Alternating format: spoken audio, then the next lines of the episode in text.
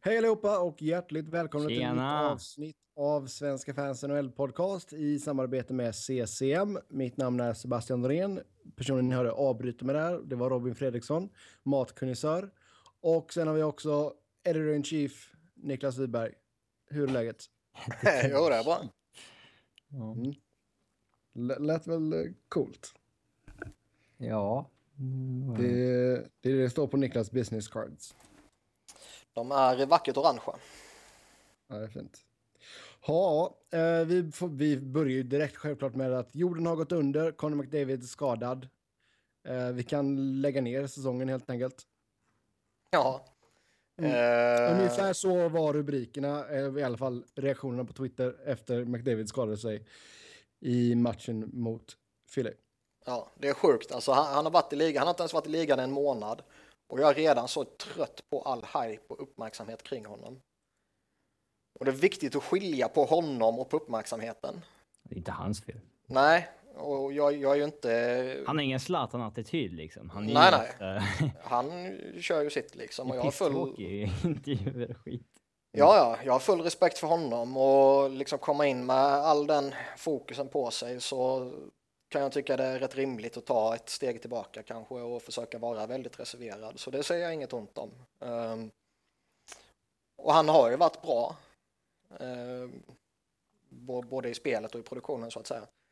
Men eh, på det sättet som han exponeras och målas upp och hypas upp och uppmärksammas och allting det Nej, det är ju absurt ju.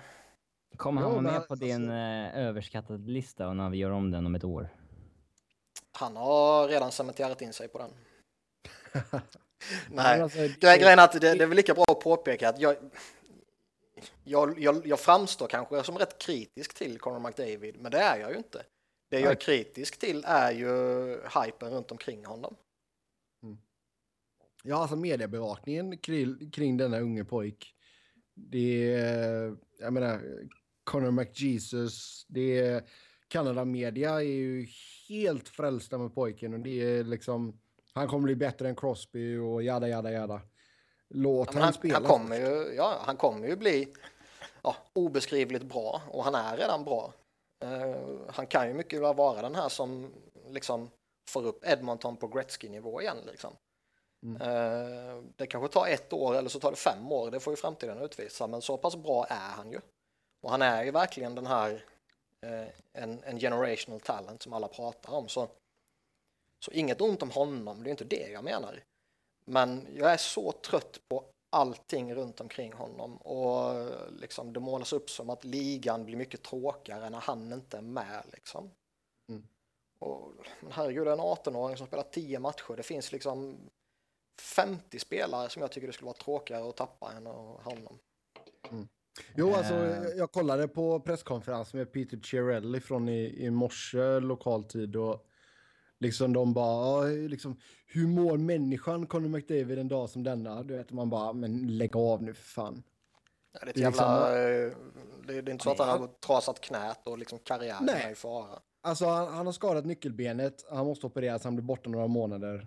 Det är ingen karriärshotande skada liksom. Och Niklas är ju väldigt upprörd för att ingen bryr sig om hur det gick för Brandon Manning.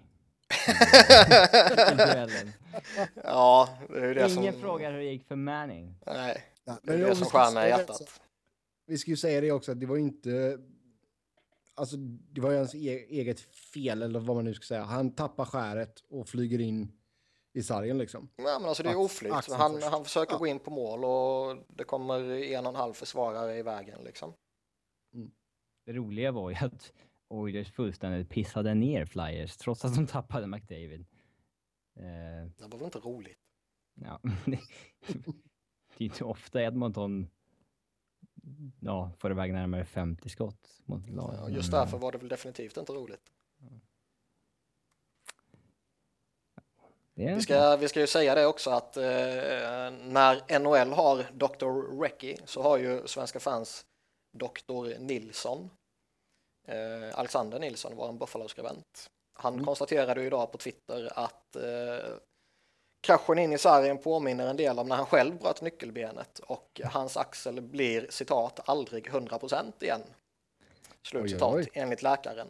Eh, så Alex har ju väldigt kort och koncist konstaterat att Conor McDavid är slut. I eh, nästan samma expertstatus som när vi hade Simpa med när vi av en slump då snackade om Rick Pervilys hjärtproblem. Eh, ja. Simpa som faktiskt hade gjort två hjärtoperationer. Men Mm. Alexander är collarbone-experten. Ja, exakt. Nej, så eh, vi får se vad som händer. Det är klart att det är tråkigt att tappa McDavid, men det, det ska inte vara så att man säger att ligan går att bli så liksom sämre utan honom. Eh, Det är klart det blir en profil fattigare, men jo, liksom, jo, men det är inte. Det är ju ingenting som kommer make or break Edmontons säsong ändå. Det kanske det gör i och för sig. Men det kan, nej, han kan ju mycket väl vara skillnaden mot ett lag som hänger med. I, Skillnaden på 10 in i poäng för dem kan ju vara Ja. jätte... Det, det Jo, kan... men det är fortfarande för många poäng upp till att ta en slutspelsplats för Edmonton i år. Så, de, så är, de är två poäng efter nu. Fan, det var... Jo, jo. Men det har inte ja, gått jag håller med, det är för många poäng. Det var ju, McDavids skada var ju inte ens den värsta från eh, nattens matcher, utan Chris Kelly bröt benet och han blev borta 68 månader. ja, just det, den har jag glömt. Den var Mm. riktigt obehaglig faktiskt. Ja, fy. Eh, det, och det är ju inget fult, det är ju ingen, han, han typ snubblar på något sätt, tappar balansen Ja. och knät eh, liksom viker sig på ett jätteobehagligt sätt och man verkligen, man ser ju hur knät går sönder liksom. Eh, och den, den var ju faktiskt, det gjorde in liksom ont genom datorskärmen. Mm. Ja, och det är ju inte, alltså, det är inte lätt för en kille här. Jag menar, Kelly, han är 34. Eh, det kan vara svårt att komma tillbaka från det. Ja, han är ju inte så bra nu som han var tidigare heller. Nej, han börjar faktiskt bli rätt kast till och med. Ja, Eh, det är sista året på kontraktet. Så vidare. Men samtidigt så har vi suttit här eh, ett par, tre gånger om och sagt att Robert kommer nog inte tillbaka efter att ha brutit benet liksom. Det är ju... De brukar Nej, ju kunna hur, laga hur allt bra möjligt. var han efter det liksom? Jag menar, han, men jag ta- han tacklade ju av som fan efter första benbrottet. Nej, men han kom tillbaka. Jo, Eh. tillbaka kom han. du behöver inte vara bra för att få kontrakt i den här ligan. Nej, det är Eh, sant. Det räcker du kommer det- med ett rykte. Ja, men alltså Kelly... Alltså han kanske... Ja. Han tar någon liten roll i något annat lag. De, alltså, de lag, brukar ju kunna laga vad som helst nu för tiden. Liksom. Kommer tillbaka med stålben. Mm. Ja, eh, sen, eh, ja vi fortsätter ju självklart om med kontrakt och rykten och skador och allt sånt där. Och Mark Stone i Ottawa åkte på två matchers avstängning för huvudtackling mot Landon Ferraro. Den är väl om man följer eh, alla andra avstängningar som delas ut för liknande så är det väl rimlig liksom. Eh, och någonstans känns det tröttsamt att sitta och gnälla om varenda huvudtackling om att det inte räcker Ja, med ja, två, tre matcher och så vidare. Det har jag gjort. Jo, men det kan vi ju, Så många gånger. slått fast. Mm.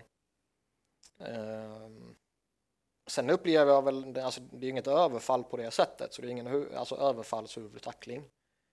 Utan det här känns ju mer som, eh, ehm, vad ska man säga, han, eh, han går in i situationen och märker att han inte kan ta pucken och i ett väldigt sent skede bestämmer sig för att smäcka på en tackling typ.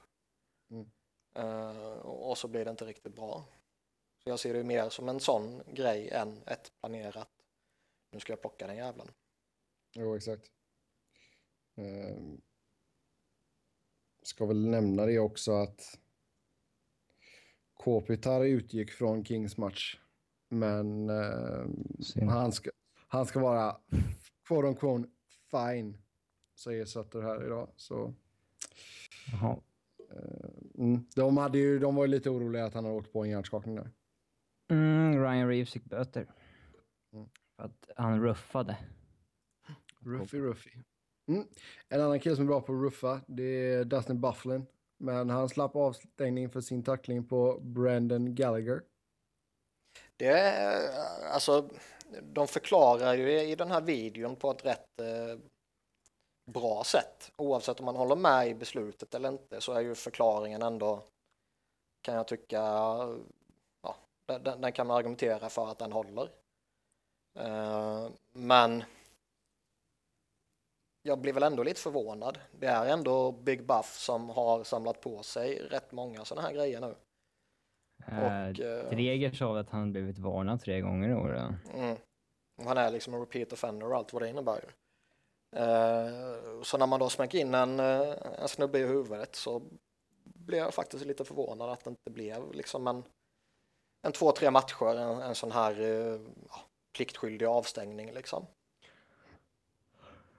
Mm. Men sen samtidigt så vi, videon tycker jag är ja, de förklarar väl på ett rätt rimligt sätt.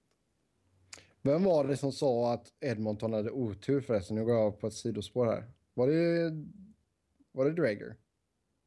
Otur med vadå? Nej, med McDavids skada. Ja, det är väl otur. Ja, det är väl otur att få spelarskada.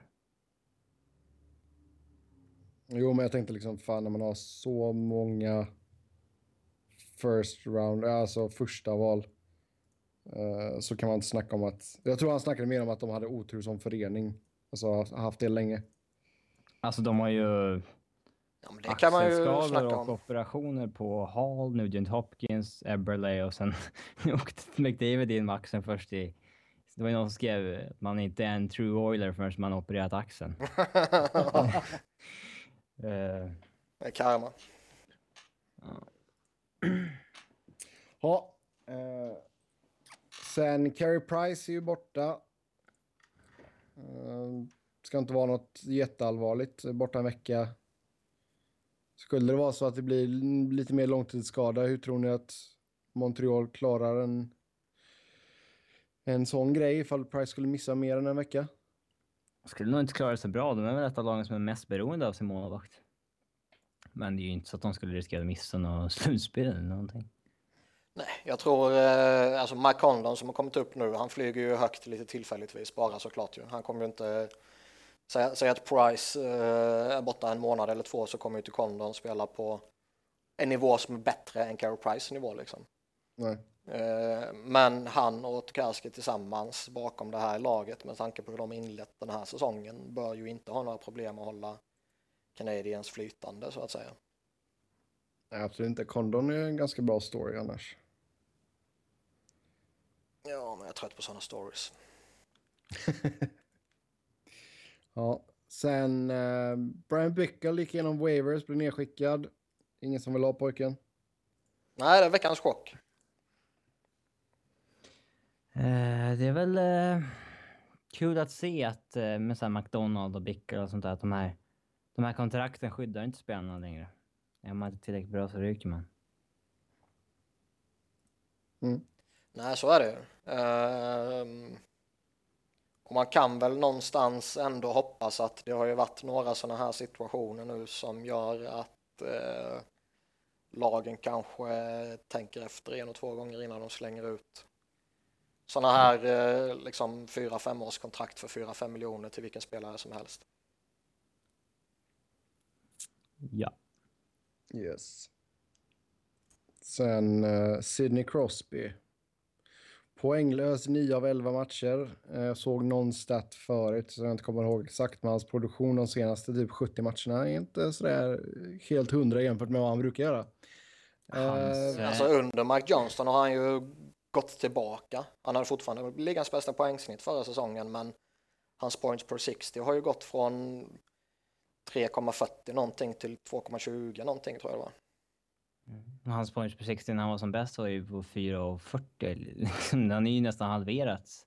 Mm. Eh, men det är väl med alltså att han, han blir ju äldre så det är ju inte så konstigt att han blir sämre. Ja, det finns en skadehistorik. Men, eh, ja. Så, men sen så... En, det är ändå ett intressant fall, för han ser ju inte bra ut heller. Nej, det skulle det, vara en sak om han skulle... fel, liksom. det är... Ja, ja, det är en sak om han skulle fortsätta dominera som bara han kan dominera. Men att han har eh, han har 50 skott och liksom 49 av dem har smitit. Eh, ja, liksom kunde lika gärna gått in liksom. Mm. Ehm, men så är det ju inte. Nej, han hade ju sin monstermatch där när han gjorde sina poäng. Då hade han ju typ nio skott, dominerade sådär som han, som han kan. Innan dess hade han ju riktigt direkt anonym nästan. Det var... Uh, mm, det är ett... Och det är ju inte så att han är skåpsgammal heller. Vad är han? 28 liksom? Ja, Så men det är väl... eh, Så det är väl klart att... han är Alltså- väl förbi sin prime, det är han väl. Men eh, Så med tanke på att han kom in så jävla tidigt också direkt så, Mm. Eh, så är det ju rätt Ja, många alltså- mil i kroppen. Ehm, alltså, skadehistorik och vad ska man säga, kanske kanske överanalyserar man den här grejen med, med Johnston eller kanske det betyder allting. mm, Mm. det... Ja. Det är ju svår, den, den biten är ju jättesvår att liksom resonera och diskutera kring när man inte när man inte vet vad som har sagts eller vilka direktiv som delas ut och hur samarbetet fungerar. De kanske, de kanske bara pratar med varandra offentligt liksom. Eh, Bakom Ja, dörrarna så funkar det inte alls till exempel. Det hade varit jävligt intressant att se en Bruce Boudreau i Pittsburgh. Eh, som är den som coachar minst, så att säga. Eh, han är väl den... Låt dem spela bara. Ja.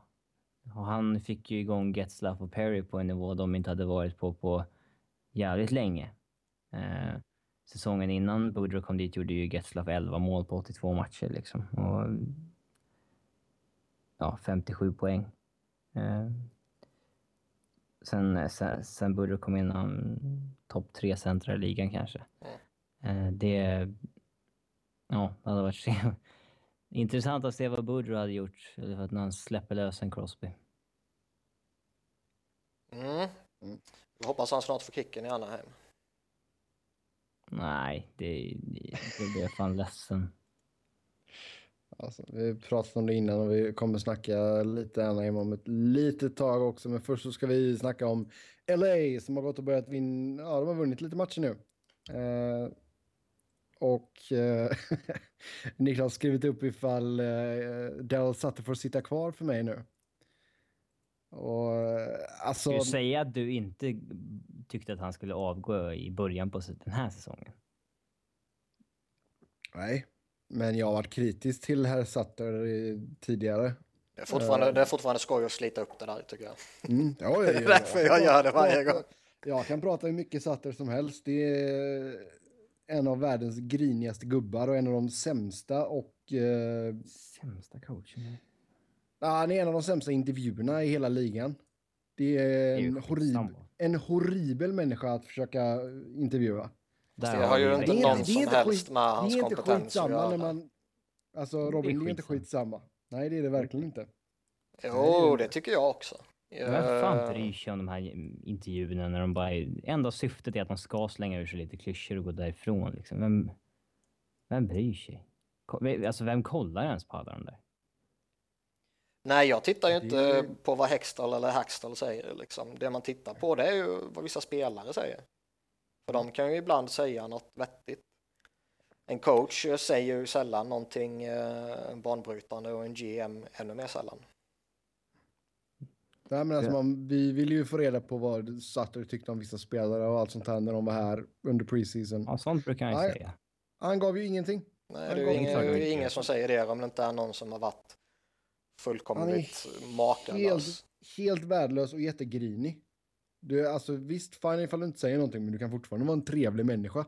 Nej, varför det?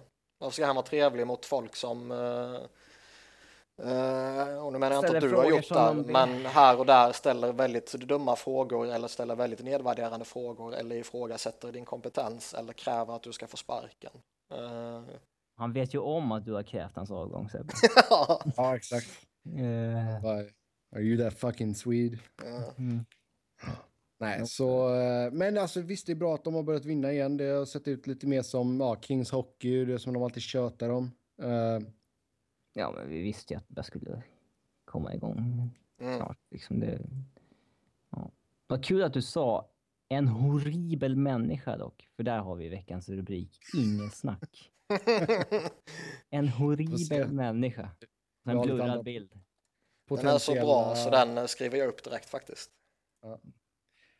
Eh, nej, men som sagt, alltså laget har börjat ticka nu. Det är fortfarande inte helt övertygad om att Sekopet är så här långt, men uh, kedjan med Carter, Toffoli och Lucic har ju sett riktigt bra ut. Ja, Jay är väl eh, bitter för att han inte får något kontrakt. Ja just det, det har jag glömt skriva upp. Det är en rätt så intressant eh, grej faktiskt. Men det har väl också sagts att han... Eh, att de, de, de, de är för nära för att det inte ska bli av. Eller? Alltså jag ser, jag ser? Kopitar. Mm. Jag ser ju inte att han försvinner från Kings, men det är ju alltid jätteintressant när, jag vet inte hur många gånger jag har sagt det, men när man låter en sån här spelare gå in i en säsong som pending UFA och sen Mm. någonting i förhandlingarna inte funkar, Jo, det då känns blir som det produktionen ju hyperintressant. Ja, det Produktionen känns- som påverkar förhandlingsläget för dag till dag liksom. Mm. Eh, fan, noll assist på 12 matcher, det är rätt sjukt. Eh, nej, men alltså, då, jag menar liksom, Ko- Kopitar kan ju peka på andra dåliga kontrakt som Lombardi har han gett ut och liksom säga, ja men då ska jag ha så här mycket för du har gett så mycket till eh, jävla Dustin Brown liksom. Men det är ju bara att titta på liksom, vad, vad fick eh, precis Bergeron, vad fick Jonathan Taves, eh, hur, eh, eller på vilket sätt liksom delades kontrakten ut till de, de här du, eh, du rabblade upp till exempel. Eh, alltså det är bara att peka på det och säga jag ska ha det här kontraktet och jag ska ha det nu. Och så Ja, menar, är det ju ingen som kan ju- lasta Kopitar för det liksom. Nej, absolut inte. Jag menar, killen har ju vunnit interna poängligan typ åtta av nio säsonger liksom. Men grejen att han har, ju, Eh. han har gjort exakt vad Jonathan Toews, världens mest hypade spelare, har gjort. Förutom att Kopitar har två kupper, Toews har tre kupper. Det är den enda skillnaden. Jo, men sen är ju inte Kopitar kanadensare och det är det Nej, det är en annan skillnad. Ja. Eh, men jag menar just Captain nu då, alltså. Ja, exakt. Nej, men alltså se, senaste kontraktet då, då 6,8 miljoner cap hit. Det såg väl kanske som lite högt i början, men han har ju levt upp till det tycker jag absolut. Ja, han har varit Och, och, underbetald. jag menar, och jag menar, nu ska han upp, ja, jag, jag skulle inte höja på ögonbrynen ifall han får 9,5. Nej, fan Teos fick 10 av. Det är väl Mm. inget konstigt. Så, ehm, jag menar, det är inte ofta jag säger ge han vad han vill ha, men i det här läget så är det nästan lite så. Ja, men han är ju inte 32 bast. Han är liksom Nej. 28. Det är ju... Det är så, okej, vill ni tappa en kille som kommer att vara en första center de nästa fem åren? Eller inte liksom. Det är... Ja, alltså det är, ni, ge han nio och en halv och ge han sju år, åtta år. Liksom det, det är helt okej för han är ändå så en så, så pass okej ålder så att det inte, även alltså de sista åren kommer det inte vara katastrof, katastrof. Är att var, det, det, var det är, någon av de här som man skulle signa till, ja, till varje pris att säga, så är det han. ja, Inte i Brown och inte Nej, nej, alltså det, är- det finns två spelare på King eller- som, två spelare i King som skulle kunna få en blank check och det är Kopitar och det är Doughty. ja. Så eh, Lombardi får se till att fixa detta nu för det är... Ja. Sen är det ju så, alltså, det är typ inget av de här åttaårskontrakten som man egentligen vill dela ut. Åtta år är ju för lång tid såklart, framförallt när det blir riktigt höga cap hits. Jo, Men är Det ju finns så. ju vissa spelare som eh, det blir sekundärt på. Med tanke på att verkligheten ser ut som den gör. Mm. Eh, Kopitar är ju en sån spelare. Man får liksom acceptera, okej, det har varit två år för långt. Det kan ha varit en miljon för högt, liksom, men vi tänker fan inte liksom släppa vår första center bara sådär när vi inte har något som kommer upp underifrån. Nej, exakt. Eh. Inte när han är en av de bästa tvåvägscentrarna i ligan. Liksom. Och inte Det- när han är 28 fortfarande. Han, Nej. som sagt. För jag menar, skulle han gå ut på öppna marknaden, alltså, då jäklar vilken huggsexa det skulle bli. Oh, ja. Då får han över 10. Mm. Av Toronto Maple Leafs. Exakt. Slänger uh, checkboken på honom. Ja. Uh, sen grannarna. Anaheim Ducks. Där går det fortfarande knakigt. Ehm, vi snackade, var det förra veckan vi snackade om om man skulle ha panik eller inte? Eller var det två veckor sedan? Det var kanske båda gångerna. Ja. Är det dags att ha panik nu eller? Nej! Eh, nej, alltså det tycker jag väl inte. Eh, Men- däremot Men om vi så... säger så här då. Om vi säger så här, nu ställer jag ett scenario till dig. Efter 11 matcher så är man 2-7-2. Dubbla detta, så att vi går till 22 matcher om man är... Man, är, man har fyra vinster i, i, i regular och, två, och fyra i OT då. Du har Ja, 12 men pinnar alltså- efter 22 matcher. Någon, någonstans där, är det alltså, väl, det- ja han är imponerande så är det. men men nå, någonstans är det väl kring 20-25 matcher som eh, om man ska ta ett sånt här beslut som det beslutet ska komma. Ja. Som vi sa då, Boudreau har byggt upp för mycket förtroende för att få kicken snabbt. Liksom. Det är, Och visst, de, de är liksom, visst de är sist i Eastern, eller förlåt i, i Western och eh, det är många sämre än lag framför dem. Ja, de är sämre Ja, än alla lag. Men eh, det är bara sex poäng upp till eh, topp tre i Pacific. Mm. Eh, en hot streak. ja, men som är Kings, man fan. vann fem raka, sen led, ledde man. Ja.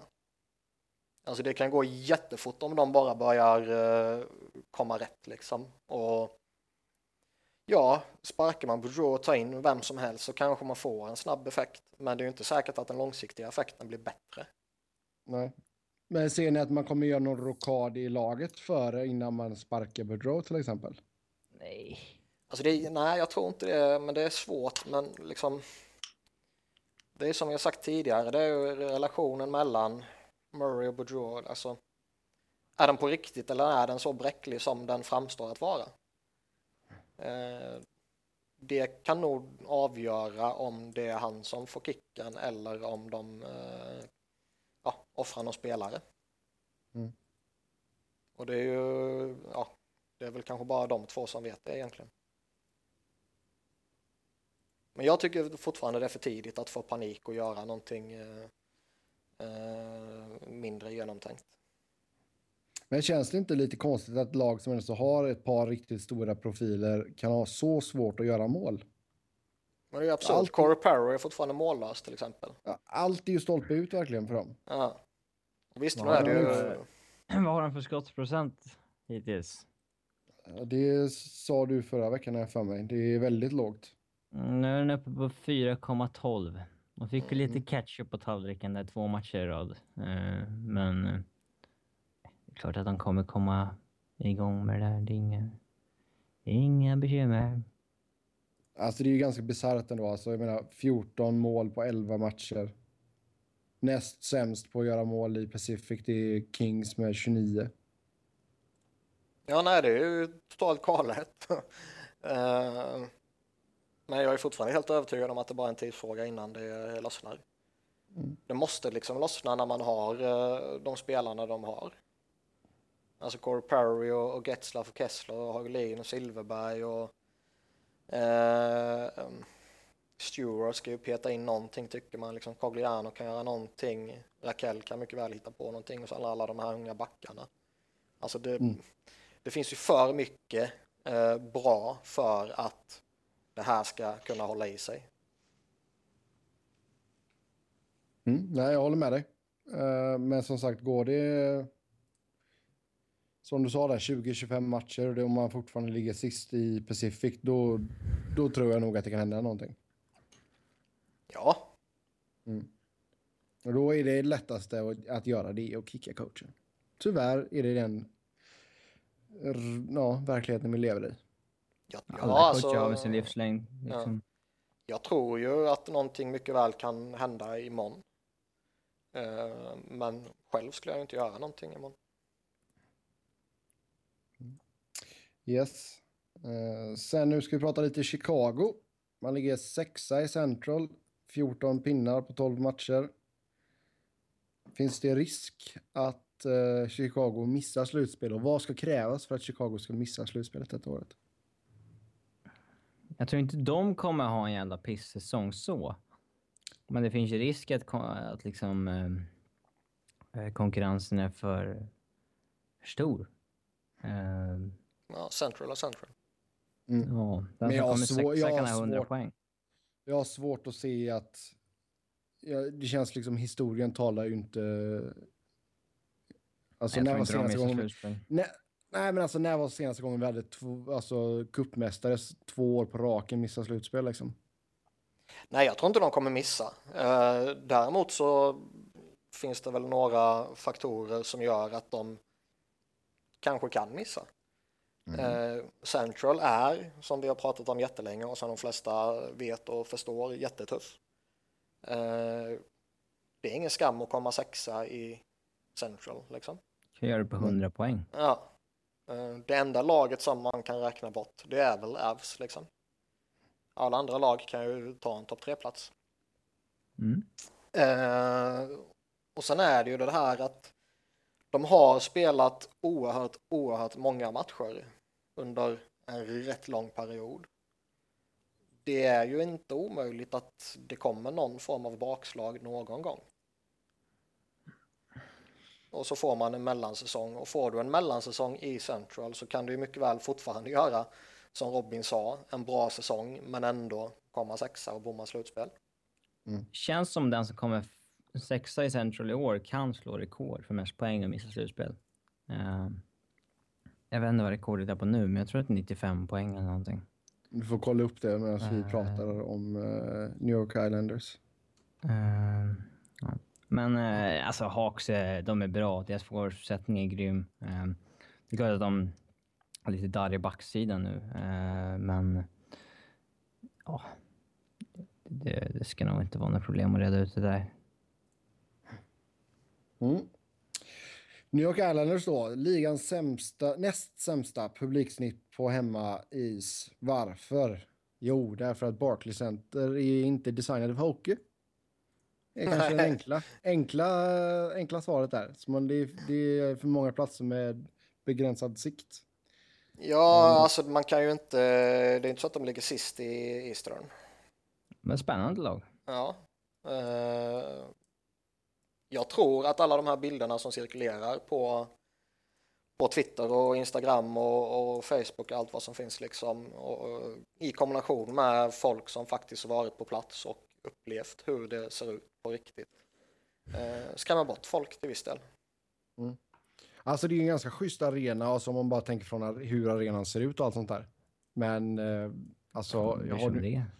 har vad, inte vad gör det när du sitter på Nej. en, eh, en kortsida i, i en, en bit upp och du inte kan se det närmsta målet liksom? Nej, exakt. Det är ju bedrövligt. Eller när du sitter på långsidan eh, lite mot hörnan och du inte kan se liksom närmsta sarghörnet. Mm. Det finns ju jättemånga galna bilder och jag tror det kan påverka. Eller jag är rätt så övertygad om att det påverkar. Eh, sen kan det ju alltid vara lite segstartat när man flyttar ett lag sådär. Även om det bara är i liksom, Jo, men- jämför med Atlanta och Winnipeg så är det här bara ett stenkast liksom. Eh, men kanske kan det Ja. påverka på något sätt. Ja, men alltså grejen är ändå så, så att, jag menar, gamla arenan var ju trasig. Det läckte ju in och det var riktigt jävla ruckel liksom. Så jag, jag förväntade mig ändå så att folk skulle vara positiva till en flytt till en ny arena.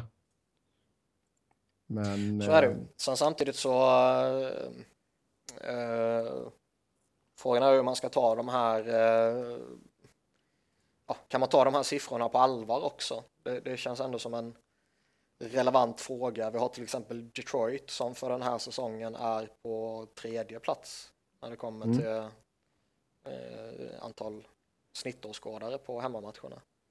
ja. Men det räcker att titta på random match med dem så är arenan halvfull. Jo, men detta är väl alltså biljetter de har sålt, antar jag. Ja, ja, och jag vet inte om alla lag räknar likadant. Jag vet faktiskt inte om det finns något standardiserat. Liksom. Är det inte så? Är det, väl, det är väl så man brukar? Eller?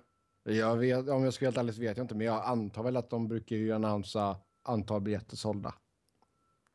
Ja, men jag vet inte om det finns. Jag, jag, jag tror ju som du säger. För men, det eh, brukar väl oftast vara högre än eh, hur många som egentligen går på matcherna. Jo, så är det ju. Eh, men jag vet inte, kanske eh, gör lagen som de själva vill i det här fallet. Jag vet inte. Men jag gillar Chicago som ligger på 100, på, på, om man kollar på procenten då, då ligger de nästan på 110 procent. Så de bara knökar in folk, liksom ståplats, här, in med dig. Ibland eh, när de har Winter Classic eller andra utomhusmatcher så blir ju den så blir deras snittpublik tokfackad. Men Ja, den måste vara inte skön varit- ändå. Ja. När de körde Big House liksom. ja, 100 000 människor. Ja, exakt. Ehm, nej, så det är klart. Men ja, vi kan ju titta lite. Alltså, Carolina ligger sist. Sen har du Islanders. Sen har du New Jersey. Sen har du Florida. Sen har du Arizona. Och sen har du Columbus. Ja, och sen luras man lite av Winnipeg som ligger på 24 plats. Jo, men det är Men, procent. Ja, Procenten får man ju titta på där. ja, de har 102 procent. Så det är det är ju bara för att arenan inte tar så mycket. Mm, mm. Men jag menar, kollar du på Columbus, då, ligger de, då fyller de 80 81,4 procent. Arizona strax under 80 procent. Florida 79. New Jersey 70. Nästan Fast de, 71. de, de fyra lagen är ju väntat. Alltså Columbus med tanke på sin inledning och sen Arizona, Florida, New Jersey. Det är ju liksom, ja, det är som det är. Men, men alltså Carolina 64,6 procent har man fyllt. Ja, men de har inte varit bra på rätt länge heller.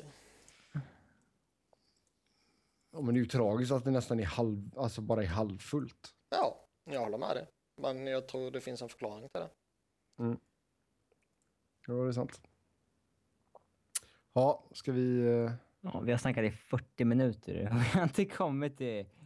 Ja, det Vi var har inte kommit fint. förbi kontraktrykten och tradesen.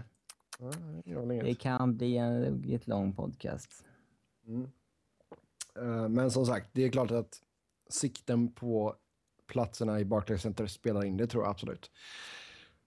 Vi hoppar vidare till nästa punkt då och vi ska titta tillbaka i backspegeln på några trades. Um, Niklas valde ut några från säsongen 13-14 och 14-15 Jag hjälpte till.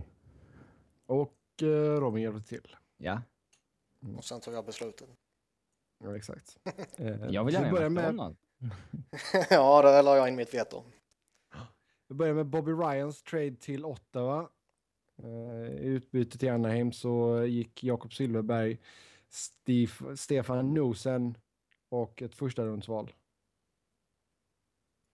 Ja, den här spontant så är det svårt att dra några jätteslutsatser på eh, liksom Bob Ryans impact. Eh, med tanke på lite skadeproblem och sådana här grejer. Eh, men jag tycker väl även om man tar det i beräkningarna så tror jag inte flopp. att Flopp är ett starkt ord, men jag tror inte Nej. att han, eh, att han har gjort vad Ottawa trodde att han skulle göra. Nej. Han var ju en garanti på över 30 mål i Anaheim. Ja, Eh, Det har inte varit med Ottawa. Och de har ju dessutom signat han till ett kontrakt som... Han gjorde ju till och med under 20 mål i fjol. Alltså det här kontraktet har vi pratat lite, eller har vi, pratar vi om när, när han skrev det och liksom att det var lite, det var ett rätt viktigt statement av Senators att göra. Eh, de hade tappat Alfredsson, spetsar och så vidare under rätt uppmärksammade former. Så det var nog viktigt att där och då behålla en stjärna istället för att tappa honom till free agency. Med facit i hand, med tanke på vilken utveckling de har haft eh, från den förra säsongen med med Turris och Stone och Zibanejad och så vidare så eh, kanske de ångrar sig idag. Eh, Att de kanske skulle flippat honom vidare och, och så vidare. Men ja, jag förstår att man signade honom till det kontraktet då och jag kan ju inte säga att de gjorde fel på det. Nej. Sen tycker jag Men- att flopp är ett starkt ord, men en besvikelse är absolut. Sen kan man också säga att Anaheim borde kanske fått mer för honom med tanke på hur, hur hypad han var då i Anaheim. Ehm, och den åldern han var i. Mm. Att bara få Stefan Nosen som har varit en... Han är väl lite bast, tror jag. Eh, jag minns inte vad de fick för förstahundsvalet. Eh, Nick Ritchie kanske? Nej. Eller? Jag har ingen aning. Ehm, ja, eh, Silverberg är ju inte mycket sämre än Bobby Ryan. Mm, Men eh, ja. Jag tycker inte traden har blivit jättelyckad för något av lagen. Nej, Nej, det är väl bara att Anaheim har sparat lite pengar. ja, det är väl ja, det väl en rätt bra sammanfattning. Sen har vi Roberto Luongo som gick tillsammans med Steven Anthony till Florida i utbyte mot Jakob Markström och Sean Mathias. Eh, jättebra för Panthers. Mm. Han är fortfarande en, en väldigt duktig målvakt i den här ligan.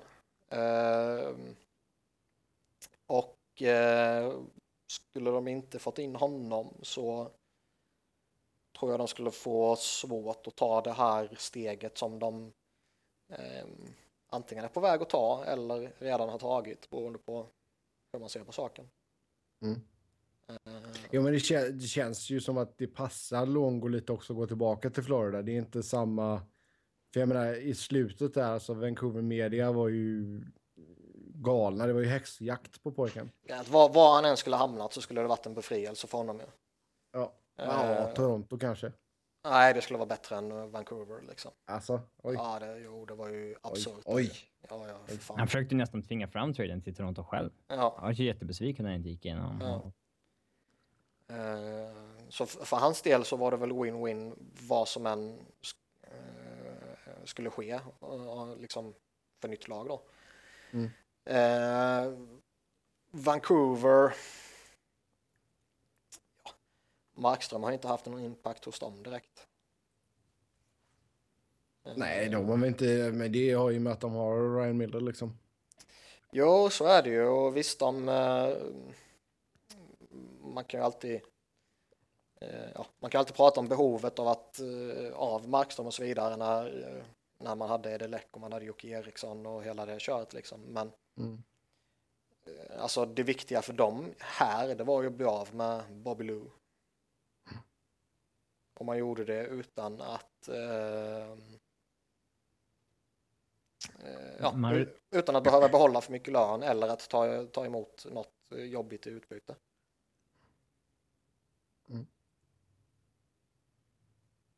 Men eh, tydlig vinnare i Florida. Ja, tycker jag. Yes, nästa då, då är Martin St. Louis som gick tillsammans med ett andra rundsval till New York Rangers i utbyte mot Ryan Callahan. Första, första valet 2014, första valet 2015 och ett sjunde val 2015 till Tampa Bay. Ja, eh, stora vinnare på alla sätt och vis är ju givetvis Tampa Bay. Mm. Eh, Rangers gav upp den, ja, en stor del av sin framtid för att ta in en San Louis under en kort period. Eh, kanske skulle de inte gått så långt som de gjorde utan honom. Eh, men ska man göra den här traden och den inte ska framstå som ett eh, mer eller mindre fiasko beroende på hur eh, kritisk man vill vara så måste du ju vinna. Ja. Och det gjorde de inte. Han, Och då är en Nej, finalplats och en konferensfinal intressant. Och eh, San Louis var ju inte så bra som de väntade sig heller. Nej, Eh, Så slutade han ju rätt tidigt på grund av att han inte var så bra. bra. Mm. Eh, Så att den... Det är ju en flopp. Eh, Och Callahan har ju passat in jäkligt bra i Tampa. Två första val, så det är... Ja, klar vinnare. Tampa Bay på alla sätt. jo. Det är, det är kul när lag går före, som Rangers gjorde liksom. Men, eh, Jätteskoj, jätteunderhållande och man Ja. vill givetvis se fler sådana stora grejer. men, Men, det, det, misslyckades här. gick räckte inte in i kaklet. Nu är Nej. Tobbe jättearg i chatten, men... eh, Men det är skoj. ja. Nej, men det kanske var lite... Ja, hade det varit några år tidigare så kanske. Eh, Ryan Kessler och tredjerumsval gick till Anaheim i utbyte mot Lucas Pisa, Nick Bonino samt ett första och tredjerumsval till Vancouver.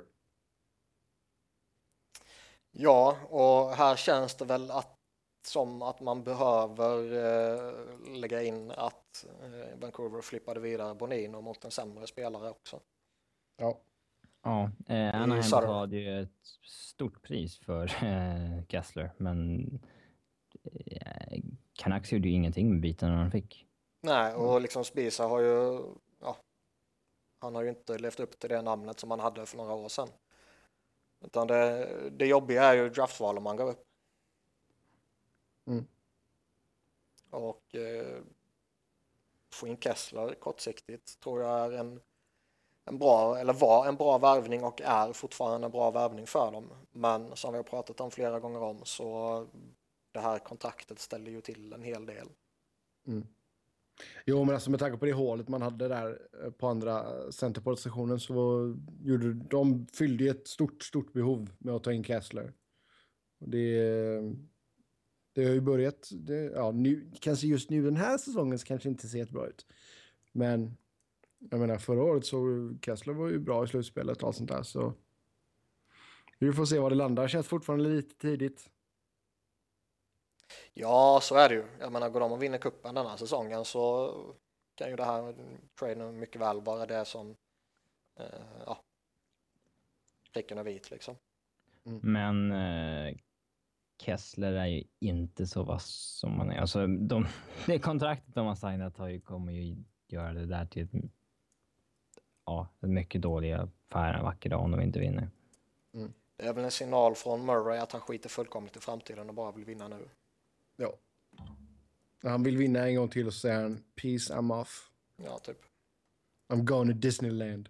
Ja, han gör en Glenn Sather. Ja. Uh, James Neal till Nashville. Uh, utbyte så fick Pittsburgh Patrik Hörnqvist och Nick Spalling. Ja, uh, Preds fick ju den, alltså vad ska man säga, den utpräglade målskytten. Mm. Uh, och det går väl inte att klaga på vad han har gjort för dem egentligen. Uh, lite skadeproblem första året, når ändå 23 baljor. Uh, det tycker jag ändå är OK. Mm. Uh, den här säsongen har han ju inlett starkt. Med målskyttet och så vidare. Pittsburgh, ja vad ska man säga, jag håller Hörnqvist högt, men mm. Um, jag tror rätt många hade förväntat sig mer av honom. Ja, men känns det inte som att han behöver lite mer hjälp än vad Neil behöver? Den var ju intressant när den skedde, den här traden. Men man förstod inte riktigt varför ändå. Uh, för Neil var ju en jäkligt beprövad målskytt och det var inte så att de sparade massa pengar på att Nej. Gå till Hunker. Det kändes som en hockey-trade liksom, att de tyckte att han, den killen kommer passa bättre in liksom. Uh, men Eh, jag, jag fattar inte vad de skulle med Spalling till den där tiden. Hade det varit Hörnqvist och ett andra val eller någonting så hade det känts mycket bättre ut. Känns som det mycket väl kan vara Preds som ville slänga in honom i dealen. Mm. Mm. Eh, ja. Jag vet inte, alltså Neil är ju en bättre spelare så att eh, jag, jag skulle väl säga att... Han ja. kanske inte var en locker room guy. Vad fan är det? Liksom. Det är bättre med en tyst, det, hårt jobbande svensk, vet du. Det har väl pratats lite om att han inte kanske var jätteuppskattad. Mm. Uh, och det kanske var det som, som gjorde att man skeppade honom, jag vet inte. Uh, men bevisligen så fungerade han ju med Malkin liksom. Mm. Uh, Hörnqvist, alltså gör, gör, han 25 plus 25 och ligger på 50 poäng, eh, framförallt när han bara gjorde 64 matcher, så tycker jag väl ändå att det är något man ska vara nöjd med. Eh, sen kommer väl det alltid finnas eh, liksom röster som när du spelar jämte Crosby eller Malkin och du inte eh, vräker in poäng så är det ett misslyckande. Eh, det snacket kommer nog alltid finnas och det är ett litet väl hårt snack kan jag tycka. Absolut.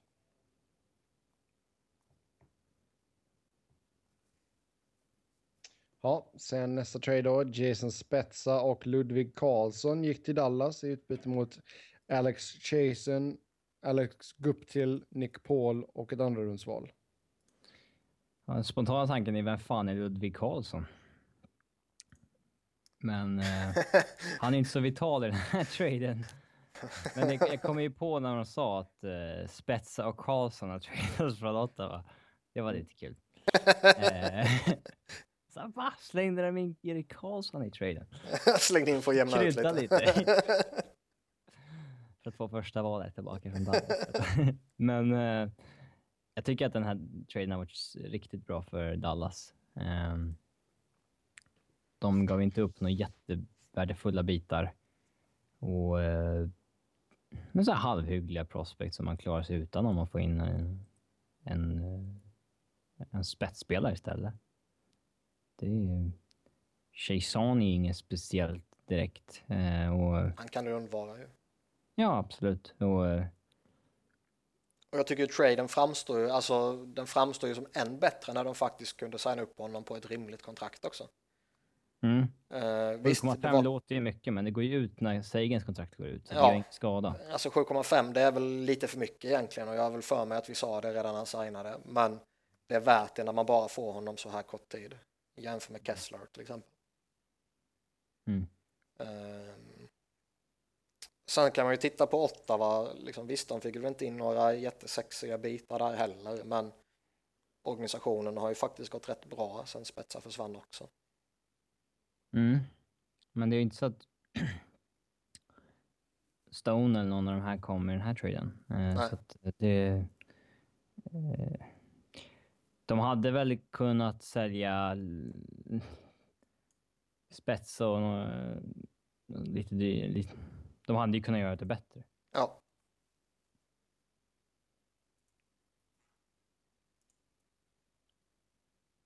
Så att uh, win Dallas, säger vi. Ja. Sebbe Ja. försvunnit eller? Ja. Sen eh, nästa trade som vi ska prata om då, det är Johnny Boychuk till New York Islanders. Och i utbyte så fick Boston två andra rundsval och ett tredje rundsval. Jag tycker väl att själva traden i sig var bra. Eh, Kan vi baka ihop den med att de, alltså ledde ja, traden liksom. De, de tog ju precis in Boychuk och Leddy samma dag. Och Mm. Det enda de gav upp för Leddy var ju i, i Willy Pocka. Som är ju en talangfull back som, ja, men kan man ge upp en talangfull back för en kille som redan är bra så varför inte? Ehm, Priset de betalade Leddy för, det de gav för Leddy ser ut som ett jättefynd idag. Medan priset för Boychuk kanske var något högt. Men det, Vi, kan, vi kan säga det lite snabbt då om vi ska baka ihop dem. Så Nick Leddy och Kent Simpson gick till Islanders i utbyte mot TJ Brennan, Ville Pocka och Anders Nilsson. ja. Alltså grejen är att det, Nick Leddy är ju på alla sätt och vis en spelare som de ska bygga kring. Och som de kan bygga kring. Och den traden som Robin är inne på är ju jättebra. Wojciech-traden, visst man gav inte upp något sånt där superkänsligt för honom, men jag tycker ju fortfarande inte det var rätt att signa upp honom på det kontraktet han fick. Nej, det var ju stört kontrakt. Men Mm. ehm, priset de betalar som helhet för att få in en, en första backpar liksom. Det är ju riktigt är, bra tycker jag. ja, ja, det är klart överkomligt. Och det är det som gjorde dem till ett, eh, ett lag att räkna med helt plötsligt. Mm. Mm. Så där, eh, ja, det var riktigt bra gjort av Gart Snow. Då hoppar vi in på lyssnarfrågorna. Ni har varit extremt duktiga på att skicka in frågor till oss. Och, eh, Alldeles för många till och med. Nej då, det, vi uppskattar det, herregud. Eh, men vi betar av så många vi kan och sen sparar vi dem vi inte kommer till så tar vi upp dem nästa vecka. Så det, det är bara att fylla på vet du. Det, det är alltid bra att ha mycket att prata om. Eh, vi ska börja med vår första fråga här och det är fem bästa backparen och fem bästa kedjorna hittills. Mm. Jag tycker ju att man kan väl egentligen aldrig blunda för Keith Hjalmarsson. Nej, det tycker jag inte man ska göra. Nej, alltså det, de är ju bra, men det är inte så att de har stuckit ut. Keith har ju varit skadad och sådär. Ju... Jo, jo, jag menar inte under tiden som han är skadad såklart.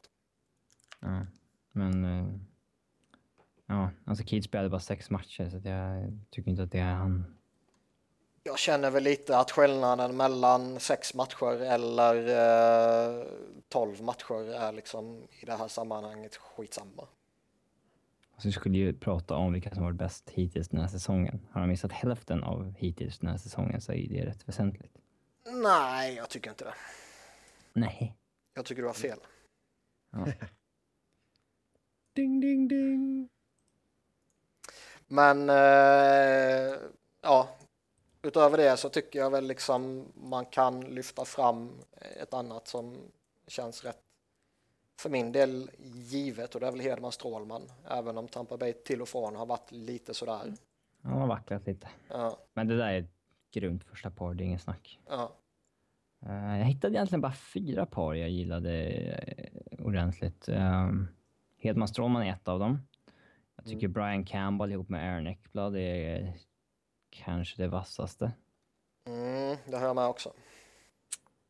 Och så tycker jag ändå att Markov Subban håller ändå en hög nivå fortfarande. Eh, Mm, de har jag med också. och sen tycker jag man kan nämna Boomister Peter Angelo, men det är ändå det sämsta av de fyra jag har plockat ut. Jag har, eh, de, jag, jag har tagit fyra som jag känner att okej, de, de, de är väl bäst. Och det är eh, Kist, Hjalmarsson, Markov, Subban, Hedman, Strålman, Campbell, Ekblad. Eller Ekblad. Goligoski Klingberg då? Nej, jag sorterar, det var väl ett av de sista jag sorterade bort faktiskt. Eh, ja, vad fan, nej, jag, jag är väl inte såld på dem helt enkelt bara. Utan de, de jag har, jag har tre par till som jag inte riktigt kan avgöra och det är Boomeister Pietrangelo som eh, Robin var inne på. Sen är det Martin Burns. Eh, Ah, ja. Alltså, ja, jag, jag har inte jag sett tycker allt med har- charts, men det jag har sett så tycker jag ändå det har fungerat bra. Jag, jag hade förväntat mig mer av det paret faktiskt. Så det kanske är att mina förväntningar är för höga. Ja, Så kan det vara. Eh, det sista jag har är väl Josie Weber.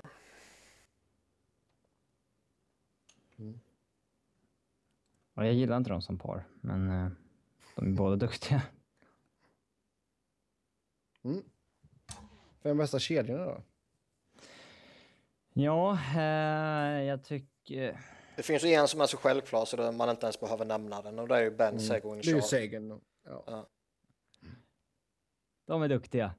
Mm, de är helt Eh. okej. Sen tycker jag ju liksom Ovechkin, Kuznetsov, Oshie måste man ju lyfta fram också. De är också med. Eh, så det är väl Hoffman, Turry, Stone som har spelat ihop Mm. fortfarande. Ja, de är ju topp tre. Eh, fortfarande. Eh, ja, topp tre i Ottawa håller jag med om. ja, jag har slängt in Montreals också. Pacioretty, Blaganec och Gallagher. jag skummade förbi den. Jag har... Nu slängde jag in Panarin, Anisimov, Kane också. Ja, den är jag också med. Jag tycker fan Anisimov har glidit in i den där andra centerrollen perfekt i Chicago. Mm, han har gjort det bra. Gynnsam Nej. omgivning. Har jag med Huber och Barkov Jagr också? Ja, jag också. Mest bara för Jagr. Eh, det ska... Sen det finns ju en hemsida där man kan kolla upp olika line-kombinationer och sen liksom vad de har för... Hur många de har. Eh, ja, men liksom vad har de för kurs i relation till resten av laget och sånt där. Eh, och då finns det en kedja som sticker ut. Släng ut Eh. eh, webbsidaadressen så att de kan få lite trafik. nej, det är hemligt. Det är hemligt. Eh, Men det, länken är så jävla konstig så jag vet inte. Jag kan inte läsa upp den. Eh, men det finns en kedja då som sticker ut enormt hittills. Faktiskt. Skicka den till mig i alla fall. Ja, kanske. Ja. Eh, och den kedjan har inte jag sett, för jag tycker inte om att titta på Minnesota. Mm. Men det är Zucker, Mikko Koivu och Nido, Nino Niederreiter. Eh, Sucker tycker jag ser jävligt intressant ut varenda gång jag kollar på Wild. Eh, Koivu har ju gjort en bra inledning. Sen om det är på riktigt eller om det bara är tillfälligt, det är väl kanske mer det senare känns det som. Men eh, mm. Det är inte helt, statistiken ljuger väl inte i det fallet heller känns det som. Nej. Det är alltid intressant när någon sticker ut liksom enormt. Mm. Inte bara att någon leder, eh, utan det... I samma eh, statistik stack ju fortfarande Rafael Voracek eh, eh, Giroud ut också.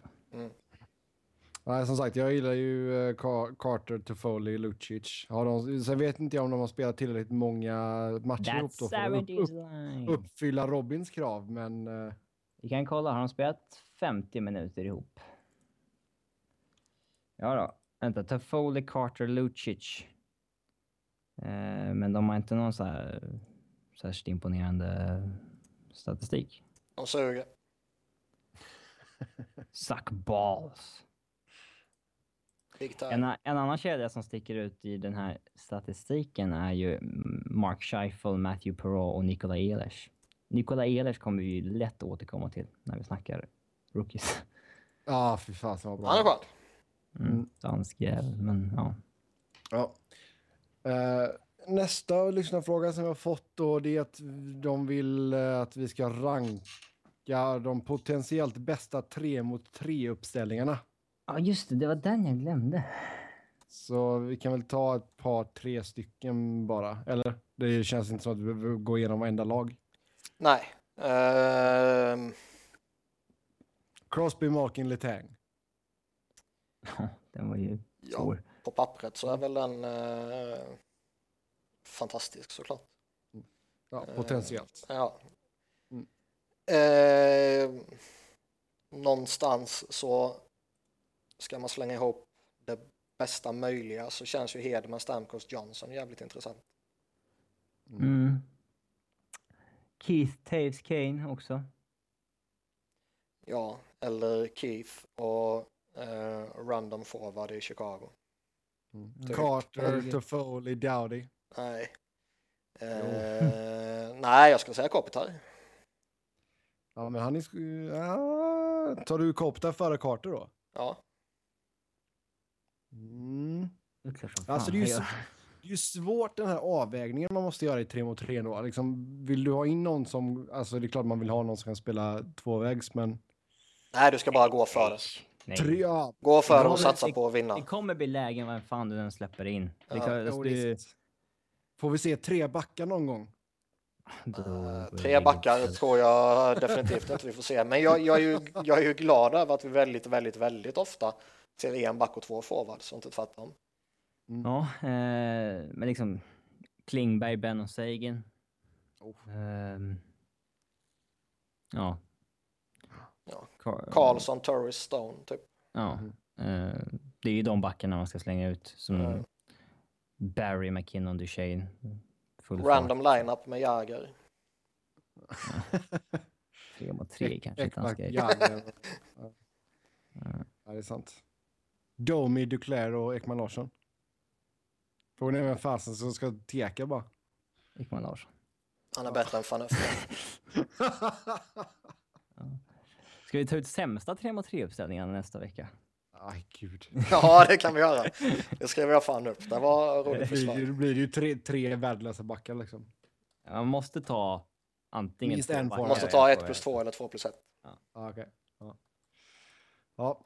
Eh, vi går vidare och eh, nästa fråga som jag fått är vilka är ligans bästa enforcers som både kan eh, faktiskt spela lite och backa upp fysiskt när det krävs?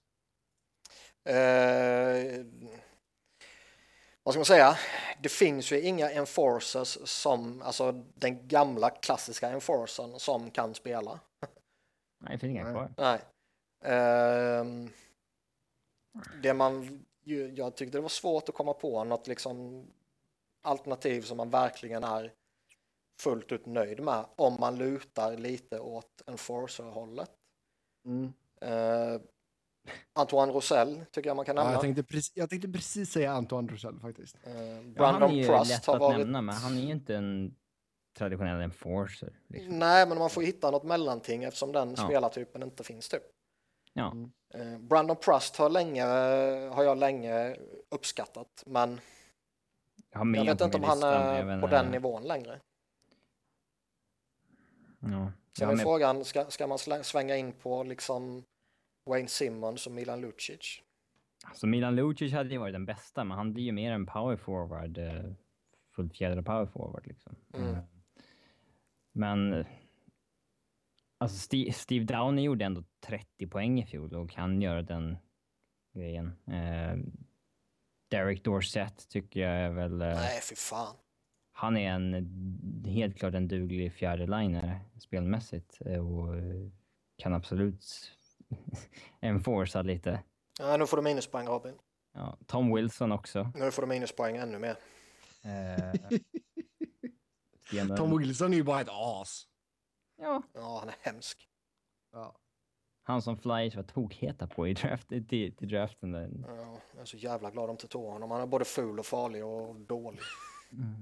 Men är du ful utseendemässigt? Ja, nej, det, det, lägger, det lägger jag ingen värdering om. Det är det vi ska utse snart, när vi ska utse fulaste spelaren. Trodde jag i alla fall att vi skulle. Ja. Ja, jag såg på sidospår igen, men eh, jag kollade på en eh, liten minidokumentär om rivaliteten mellan Blackhawks och Blues igår kväll. Och de visade den crosscheckingen som Jeremy Roenick åkte på när det typ bara flög ut tänder. Jäklar. Då, då, då, var han, då var han inte vacker efter det alltså. Plus att han fick en skridsko i nyllet den matchen också. Ja, det låter bra. Ja, eh, vi släpper den frågan och så går vi vidare.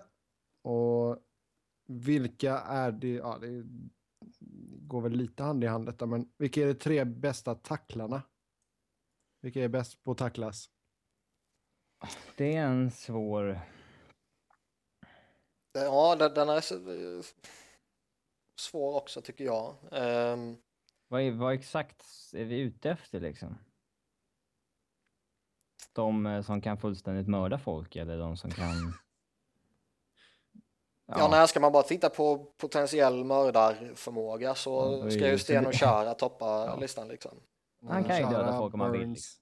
Nu är ju han, eh, nu är ju Chara lyckligtvis eh, en klok människa. Rätt snäll av sig för Ja. att vara så stor. Ja. Ehm, Men liksom Charo och Bufflin, de kan ju verkligen... Ja. Eh, Mm. Tittar köra. man på dem som liksom skickas ut för att göra jobbet genom sitt fysiska spel och så vidare så även om du skär lite i hjärtat på mig så måste man väl nämna Matt Martin och Cal Clutterback. Dustin Brown. Nej. Han är ju mer än bara en sån spelare. Eller han ska vara det, han har betalt för att vara det. Mm. och vi snackar ju inte bara tacklare. Han är ju bra på att tacklas. Jag har med PK Subban. Han är jävligt bra på open ice. Mm. Sen är jag faktiskt med Erik Karlsson, för han kan verkligen leverera open ice tacklingar, men han gör ju inte det så ofta. Men Då han, kan du lika eh, gärna med Niklas Kronwall ju. Ja, jag tänkte säga det, du har inte med Kronwall i alla fall. Nej, är för han är en dålig tacklare. Han, kan ju, han träffar ju fel varannan gång. Varannan, nu var du snäll. Men alltså, Crone Wall of Pain. ja. Sen älskar jag Nikita Sadorov. Han kan tacklas. Mm. Jag tycker Ryan Reeves är rätt effektiv liksom. Det är inte så att man granskar Ah, tacklingar så här. eh, Nej. Är han en bra tacklare eller inte? Patrik slänger in Radko Godas. Han är skön. Ovechkin är faktiskt bra på att tacklas. Ja, men han kan också... Han, eh, han är lite för vårdslös. Ja, han, när han tacklas då är det ju för att han är lack på någonting och då kan det ju verkligen gå illa. Ja, typ som när han får en pungslag. Ja. Mm. Och Mark Stahl. Mm, det var inte vackert. Som Benz på Cadbury. Det är väl det där man ska göra om man vill hämnas i ligan. Det är ju det, man inte får eh, något mer än böter för. Slå folk pungen. Ja, Ja, det bara krossar den. Ja. Så det, det är chill. ja men det de delar ju knappt ut någon straff alls för det. Two minutes ball breaking.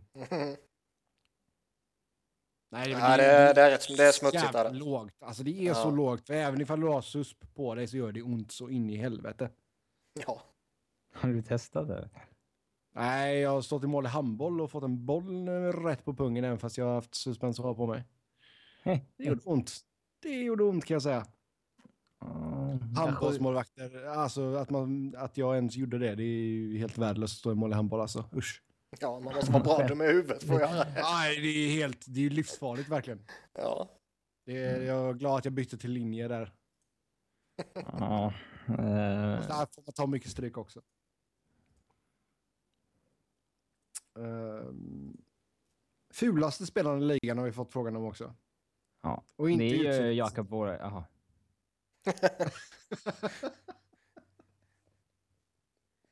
Eh, det finns väl några som för min del är givna och det är ju, ja, Raffy Torres är ju ett ärkesvin. Han Ja. ser inte han som en del av ligan längre.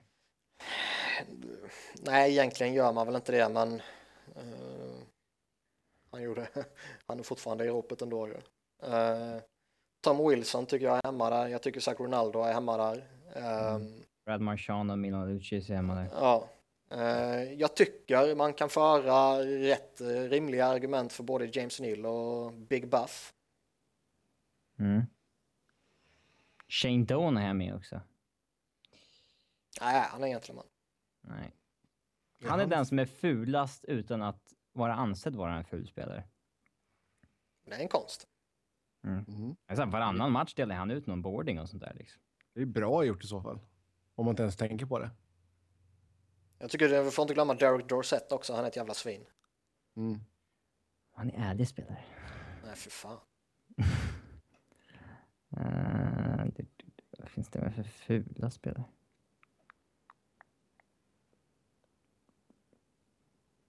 Sen finns det ibland, det finns ju några sådana här gäng som kommer upp och spelar de tre matcher och sen skickas de ner igen. De räknar man ju inte. Ja, han. Bobby Robbins. Bobby Robbins i Boston. Ja. Herregud. ja. Ja, ska vi släppa den pucken där? Mm.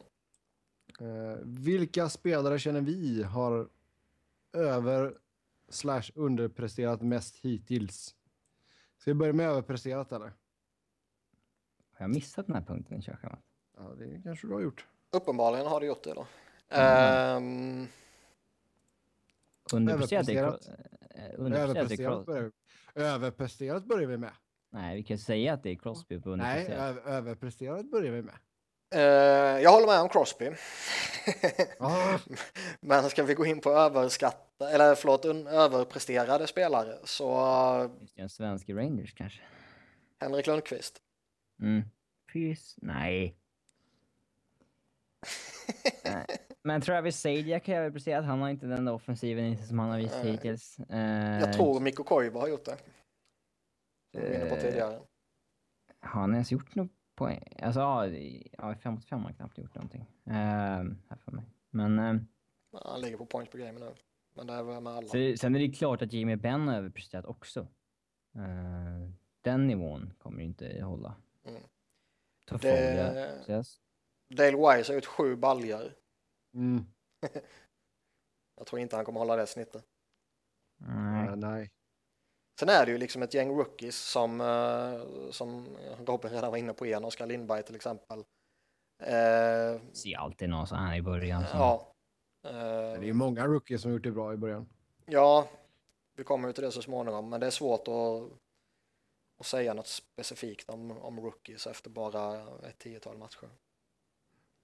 Man pratar, alltså det, det som är mer intressant är ju underpresterade och där finns det ju ett jättestort gäng.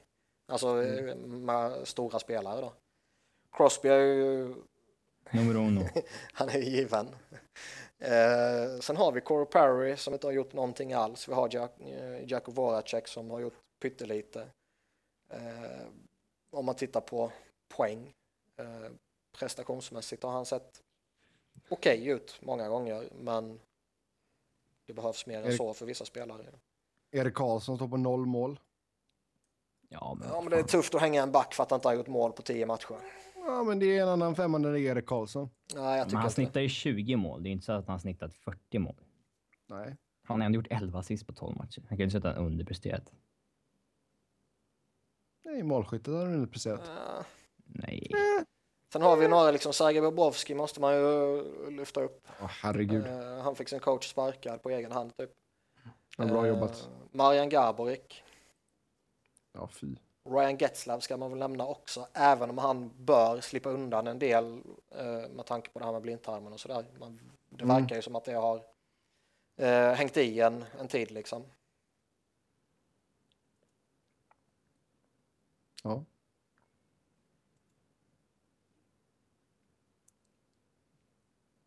När det Ja. tyst så här länge så kan du gå vidare Sebbe. Nej, sorry, jag försöker kolla igenom namn här. Um, ska vi se, vad är vi i körschemat? Där är vi. Vilka rookies har startat bäst slash sämst? Ja, vi börjar med bäst då. Du hoppade över en punkt, kör. Mm. Ja, men det kan vi ta sen. Ja, men hade vi inte påpekat det så hade du glömt den helt. Ja. Mm. Kanske. Eh, rookie som har startat bäst. Ja. Eh, Det är, det är Conor McDavid, Artemi Pararin, eh, Dylan Larkin, Max Domi, Sam Bennett, eh, kanske främst Nikola Ehlers. Jag skulle vilja lyfta fram Dylan Larkin och Nikola Ehlers. Eh, många av de här, alltså man visste ju att McDavid skulle göra skulle göra det bra. Man, man visste ju att Panarin skulle göra det bra och så vidare. Eh, Ehlers är jag ju grymt imponerad av. Mm. Han är ju på många sätt extremt fantastisk. Oskar Lindberg har gjort väldigt bra. Nu får du skärpa dig Sebbe. Och det var på riktigt. Skärp dig för fan. Eh, en spelare som jag tycker har varit jävligt bra, det är Colton Parayko. Jag vet fan om man uttalar hans eh, efternamn där. I St. Louis. Backen. Eh, Ja, det kan jag hålla med om. Sen om han ska vara i den absolut högsta toppen här, det vet jag väl inte. Mm. Pratar man dåliga så, Jag vet en flopp. Sergej Plotnikov. ja det håller jag med om. Jag hade rätt höga förhoppningar på honom, trodde han skulle göra det väldigt bra för, för Penguins, men så har det ju inte direkt blivit. Han är inte i Ehm, närheten av Panarin i kvalitet. nej, Ja, sen är det ju- close. Sen är det tufft att hänga någon för att man inte är Panarin. Mm. Eh, sen kan jag väl känna lite att han är ändå, Mm. han är ändå 25 bast liksom. Eh, på ett sätt känns det fel att nämna honom bland rookies. Den enda floppen jag kom på. Alltså, det finns ju några sådana där liksom Jack Eichel och Noah Hanfin som ändå, De har ändå spelat bra. De har spelat bra men alltså, om, jag har en, om jag har en pistol mot huvudet och jag måste säga några så är det väl de två man kommer landa på typ. För Mm. alla andra har ju motsvarat eller överträffat förväntningarna typ. Yes, eh, då går vi tillbaka till den punkten jag hoppade över här. Vem har varit, vem har varit den mest underskattade spelaren hittills? Alltså inte fått tillräckligt mycket cred medialt sett. Så en spelare ska ni säga nu. Bobby Lou. Jag tycker han hamnar i skymundan i, i Florida och eh, han är en toppmålvakt. ja. Nej, men jag menar i, i hela ligans skugga. Det är liksom. lite så. Hade inte Jagger varit där så hade han kanske fått mer. Det är mycket möjligt. Men han, han är ju avskriven som en föredetting. Ja, Eh, så att, eh, ja. Han blivit lite underskattad. Ska jag, ska jag säga mitt homer pick nu? Ja, gör det. Ja, säga Nathan McKinnon. Eh, han börjar bli lite så här, ja, bortglömd på ett, ett sätt och vis för att han är liksom i Colorado där allt bara är skit och det är liksom ingen som orkar titta på det längre. Eh, men hans, hans framfart hamnar ju liksom lite i skymundan av att laget inte kommer ha en suck på slutspel eller eh, ja, är allmänt riktigt dåliga varenda match. Eh, Mm. Plus att han Klart får ju han spela är- med... Han får ju spela med Tango och Ginla som knappt orkar röra på sig längre. Liksom. alltså o- om man bortser från det här med liksom typ Brad Stewart och Nick Holden och eh, Cody McLeod och liksom den en anledningen till att det är skoj att titta på Colorado. Så om man tar den eh, viktiga och riktiga anledningen till att det är skoj att titta på Colorado så är det ju för McKinnon. Ja, eh, de har ju en yngre kärna liksom som var rolig att titta på. Men eh, det är ju, McKinnon är väl den som har kvar utrymme att växa på. Mm. Eh, man, ja. Yes. Med tanke på att det varit så extremt mycket fokus på Conor McDavid i Edmonton så säger jag Ryan Nugent Hopkins. Jag har skulle inte ens eh, rent, reflekterat över hur, hur det har gått för honom. Nej, alltså man skulle kunna säga vilken Edmonton-spelare som helst. Jo, det är sant. Hela Edmonton förutom Conor McDavid. Ja, typ. Nikitin är ju underskattad. Ja, jo, det är sant. Som Avs Vill- sägs vilja ha. Vilka spelare har ni tyckt varit roligast att se på under inledningen exklusive Superstars? Ska vi slå fast vilka som är super, superstars? Först Ja, vi börjar med att utesluta en i taget av alla superstars. Som man inte får säga. Claude Giroux. Eh, Eh, mitt, mitt första namn är givetvis Tanner Glass. mm, mitt eh, namn är Nikola Ehlers. Mm. Eh, jag har väl några olika namn egentligen. Eh, Vi var inne på Jason Zucker tidigare i Minnesota. Jag tycker han är jätterolig att titta på. Och han är Mm. jätteframträdande varenda gång jag tittar på Minnesota. Och nu ser ju inte jag alla deras matcher givetvis, men eh, Panarin måste man ju nämna. Mm. Mm. Eh, Kuznetsov tycker jag har varit jätterolig. Max Domi. Alltså man kan ju nämna liksom 15 rookies som alla har gett eh, någon form av positiva intryck. Ah. Det där, de, Mm, ja, de är... Janmark var ju helt där, helt där de första matcherna.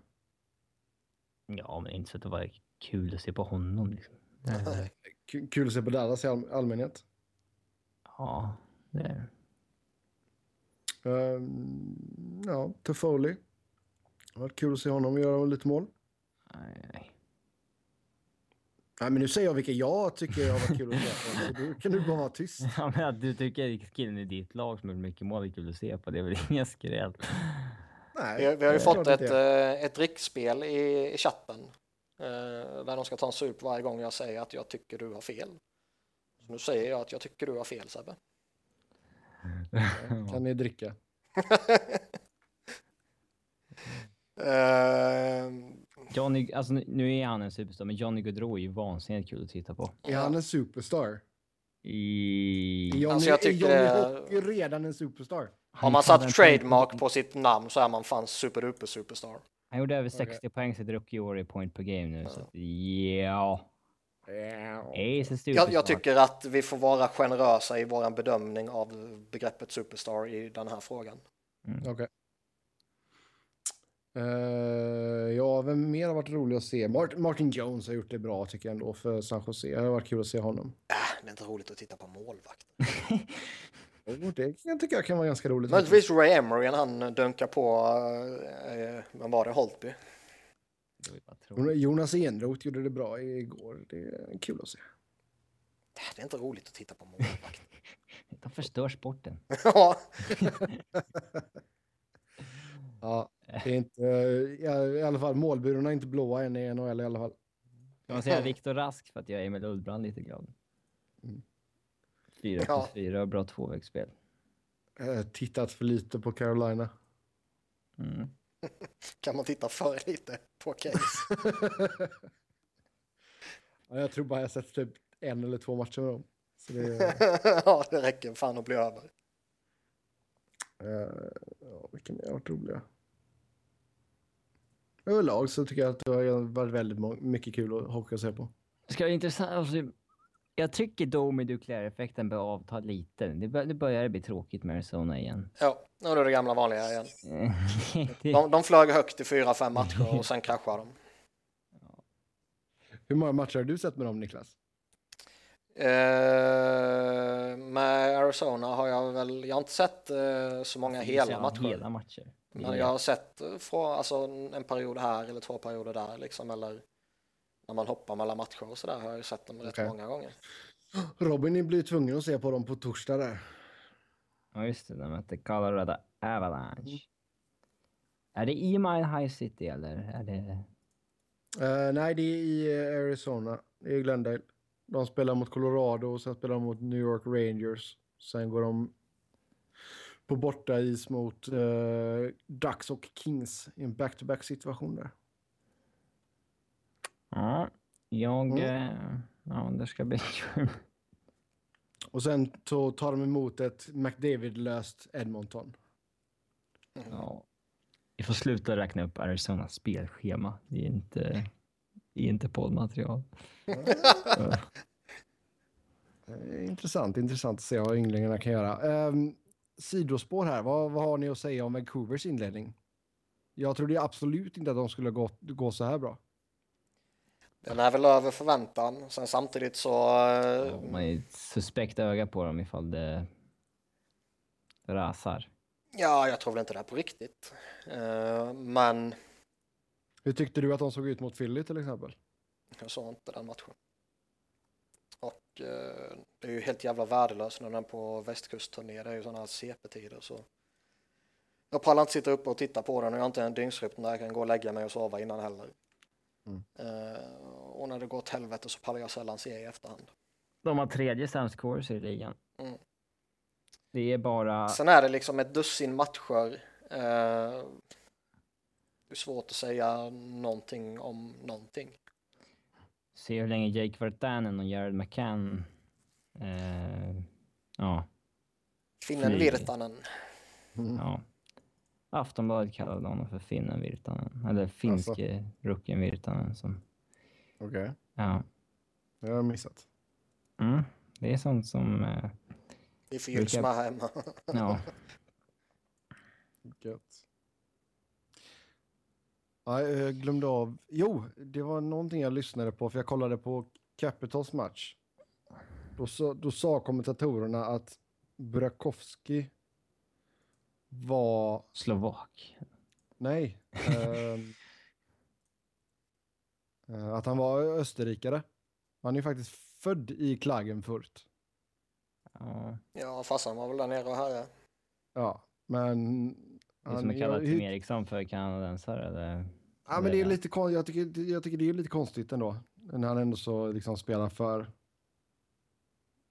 Men folk, folk, folk, folk tittar väl på födelseort. Ja. Det står väl Ja, i deras Ja. papper att han är född i Lat vilken stad det nu är. Ja. Ja, men man tycker ändå så att NBC Sports borde ha lite bättre koll än så. Klart de ska ha bättre koll än så, men eh, som sagt, anledningen är att man bara läser i ett papper och så står det vilken stad det nu är han är född i liksom. Jo, jo men det är ju som att liksom, vad fan. Då kan du kalla Alexander Sten för kanadik liksom. Mm. Ja, jag säger inte det rätt. Det är inte det jag menar. Jag säger att det är nog så det har blivit. Alexander Lennart Sten. Eh, tungt namn. Det är bra. Ja, eh, från sidospåret tillbaka till lyssnarfrågor.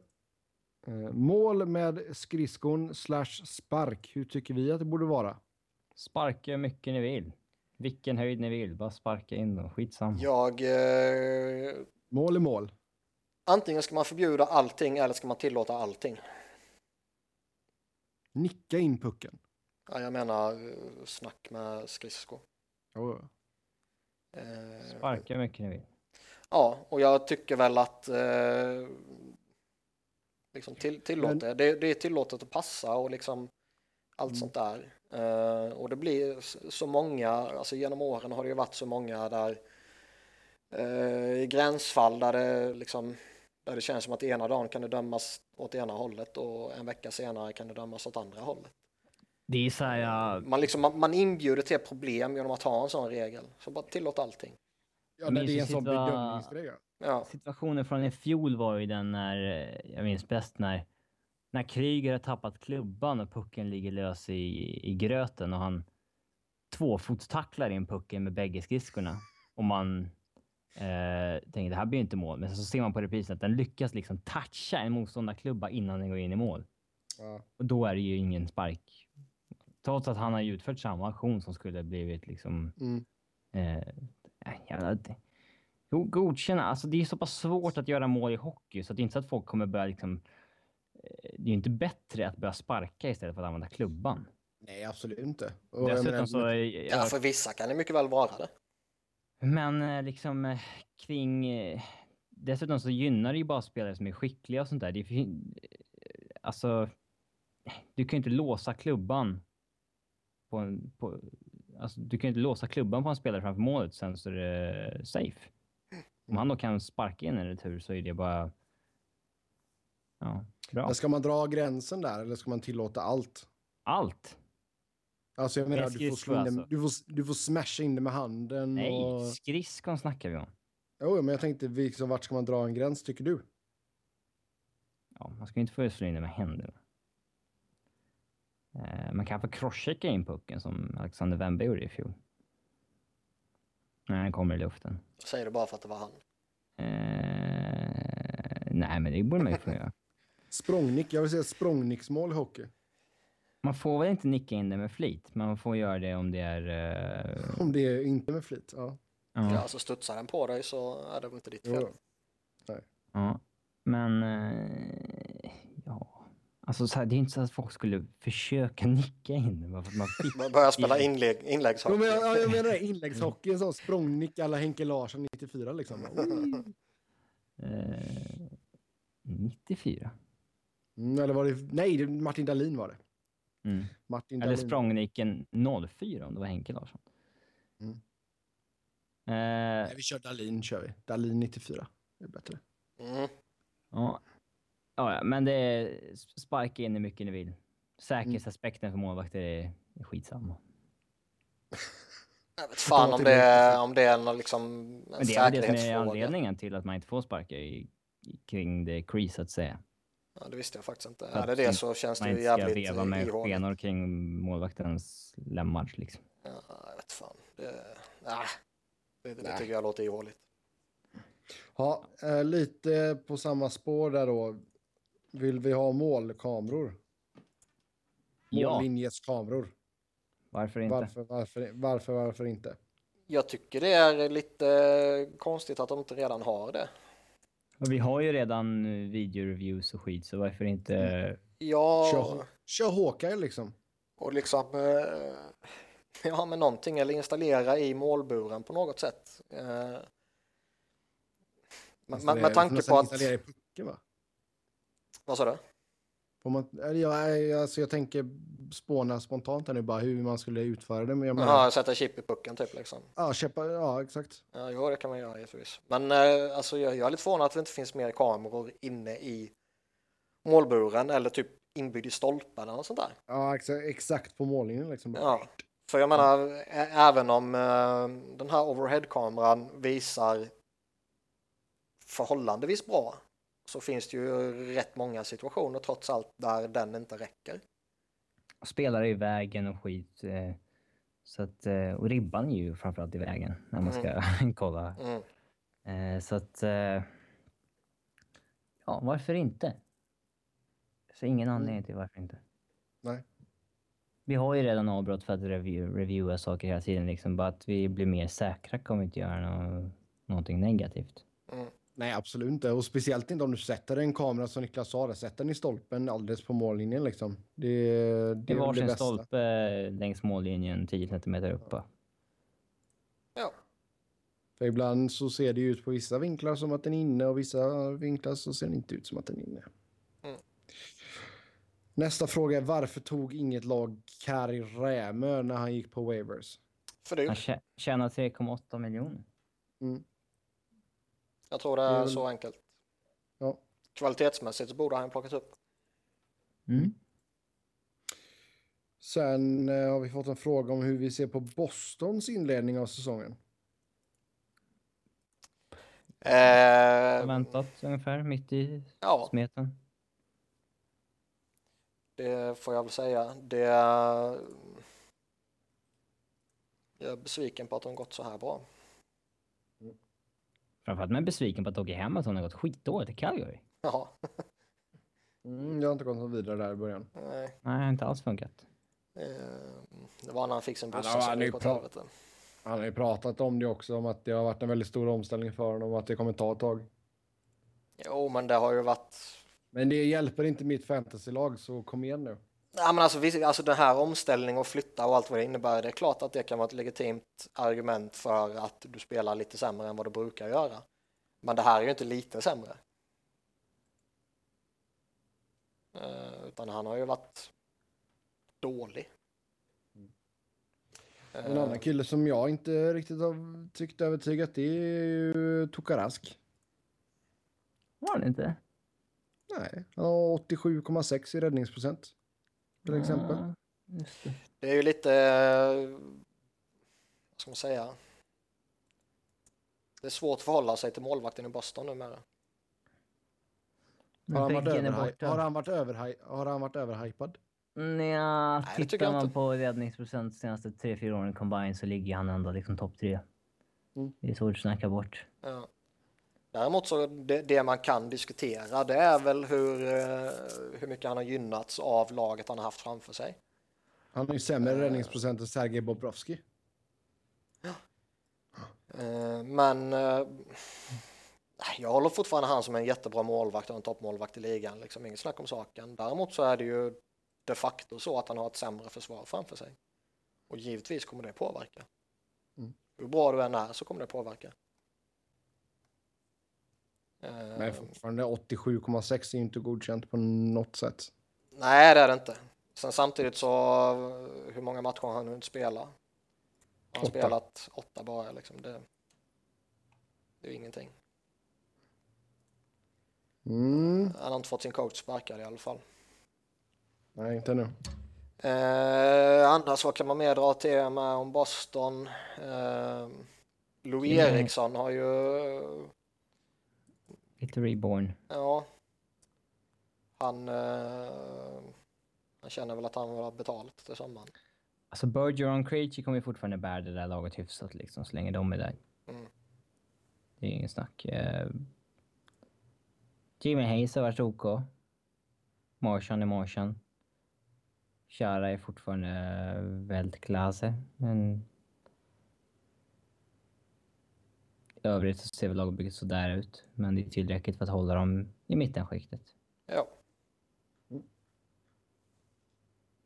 Yes. Sen uh, upphörde Zach Rinaldos goon-status när han bytte klubb. nej. Nej. Eh, Vem har skickat in den här frågan? Ja, det vet jag inte. ingen aning, det kommer jag inte ihåg. Det Men, vet ni eh, mycket väl att vi vill fick- de ha med sitt namn ska de skicka till Sebbe. Ja, Det är sant.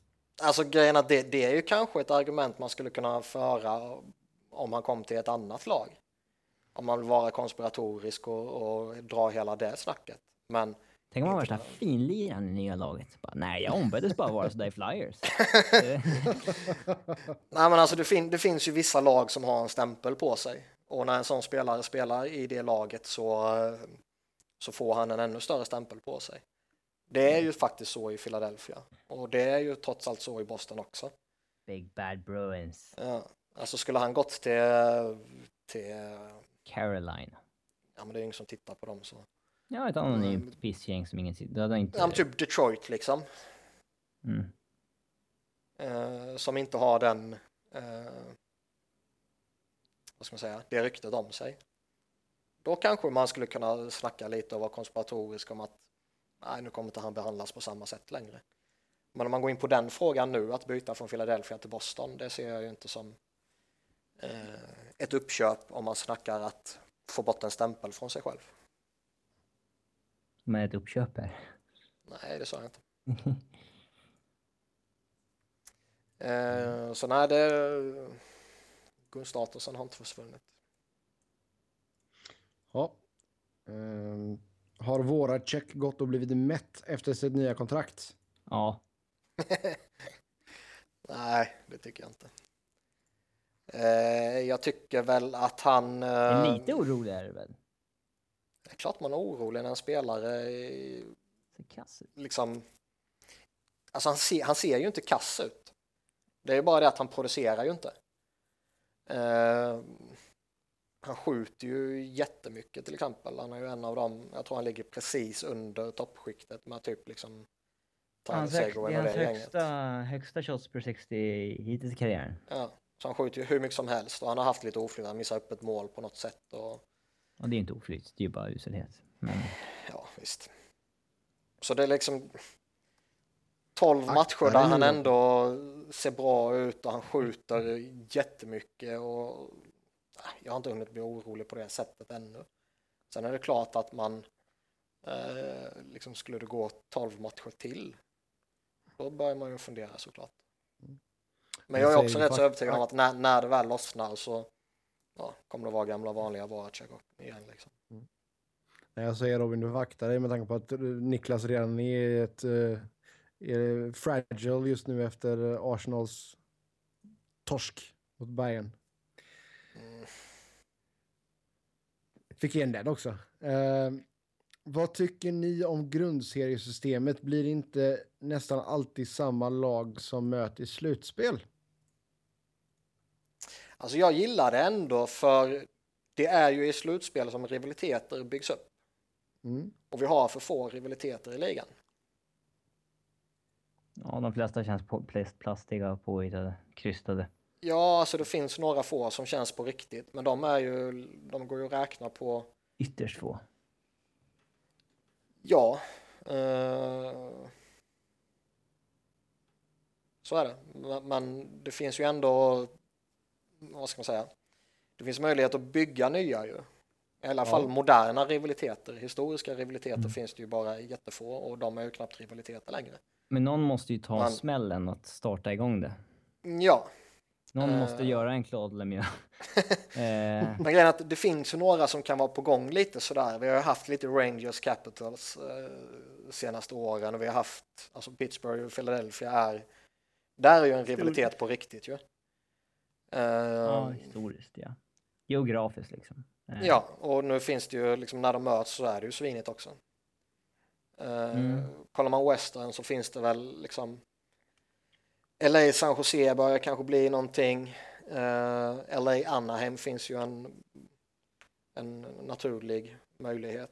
Eh, Chicago mot eh, Blues. Ja, precis.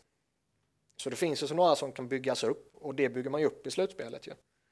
Ehm, så ur, ur den aspekten så tycker jag att det här är bra. Hade inte Avs varit så jävla dåliga så hade det varit på gång med Minnesota där också. Med när Cook, när han tacklade Barry och sen Eric Johnson tog ett matchstraff när han proppade Eric Howla och det... Eh, det var riktigt grinigt däremellan ett tag. Mm. Men ja, det går ju inte att ha en rivalitet när ett lag är mycket, mycket sämre än det andra. Om det inte Eh, sitter i väggarna för hårt som mellan Jo, exakt. Då får du ha, jo, men då får du ha typ Battle of Alberta och sådana grejer liksom. Mm. Men liksom, det, visst jag skulle kunna tycka också det var på ett sätt skulle det vara roligt om, om man hela tiden får nya möten. Eh, men jag ser väl att skärmen i att försöka bygga rivaliteter är så mycket större. Vad hade ni tyckt om vi hade en sån här slutspelslottning alla Champions League med bollar? Där Batman står där och ska dra bollar. Plastpuckar. Kör sådana gamla hockeypulverdoser du vet och bara. Eh, nej, det hade jag inte gillat. Eh, det är väl rätt uppenbart att det blir så kanske i Champions League med, med tanke på eh, med, med gruppspel och hela det köret liksom. Eh, Och eh, korruptionen som bevisligen finns är mer lätthanterlig när man ska lotta på det sättet än när man ska gå på tabellplaceringar. Vadå, är lottningen fixad? Ja. Allting i Eh. Fifa och Uefa är ju genom korrupt ju. Det är klart lottningen på någon, jag menar inte 100% av lottningen kanske inte är fixad, men någonting på något sätt är Hur ju fixat. många jävla år har inte värdländerna i VM fått bekväma grupper liksom? Ja. Det är ju... Ja, Ja. men det är... Jag, tycker att eh, det blir jäkligt tufft liksom när lag två och tre i Central ska möta varandra i slutspelet första rundan. Det är ju lite hårt kanske. Jag hade kanske föredragit om det var ettan möter åttan som det var ja, för två år sedan nu va? För tre år sedan. Det är, Mm. Um. Ja, jag, jag förstår vad du menar såklart och det var väl det jag var inne på tidigare också, att man kan få en, en större spridning av lagen och det kanske är mer eh, Mikael Renbergskt rättvist. Mm. Jo, men då ska man ju ta liksom de bästa lagen i ligan och egentligen skita i show Western och Eastern liksom. nej, Nej, det tycker jag inte. Jag tycker man ska hålla kvar i man ska ju ha eh, och från väst. och Ja. öst. Jo, men alltså jag säger om man ska göra det super-PK liksom. Ja, men det ska vi inte. Men jag, jag gillar systemet som det. Det är som Niklas säger, det föder kan ju vara lite- rivaliteter. Det kan vara lite konstigt att lag två och tre från Central ska mötas. Jo, men det, det säger vi ju Eh. bara nu för att Central är så jäkla bra, men ge det tio år och så är det Ja, men då kommer liksom ju vara samma sak med någon annan. Ja, men då kommer ju vara Ja. samma sak med någon annan division. Ja, men det, Det, är ju dåligt. What doesn't kill you make you stronger. Nej, men sånt där är ju trams. Men tänk om det dödar dig då? Det är, sånt, sånt där är trams. Men eh, det är ju trist om två av de bästa lagen ska mötas i första rundan. Ja, så är det. Sen samtidigt så blir det ju Det är charmigt så, när... det är så coacher sparkar så skit också. Ja. Men samtidigt så är det ju charmigt på ett sätt att eh, det blir ett stormöte direkt. Ja, visst. Eh, nej, jag hade föredragit om ettan mötte åttan. Eh, jag ska få Stefan i chatten full så jag säger jag tycker du har fel. Jag har rätt och du har fel. Det är inget att du, kommer få, du, kommer, du kommer få en tweet från akuten när Stefan magpumpas. Maria Pool eller någonting, han är 14 år.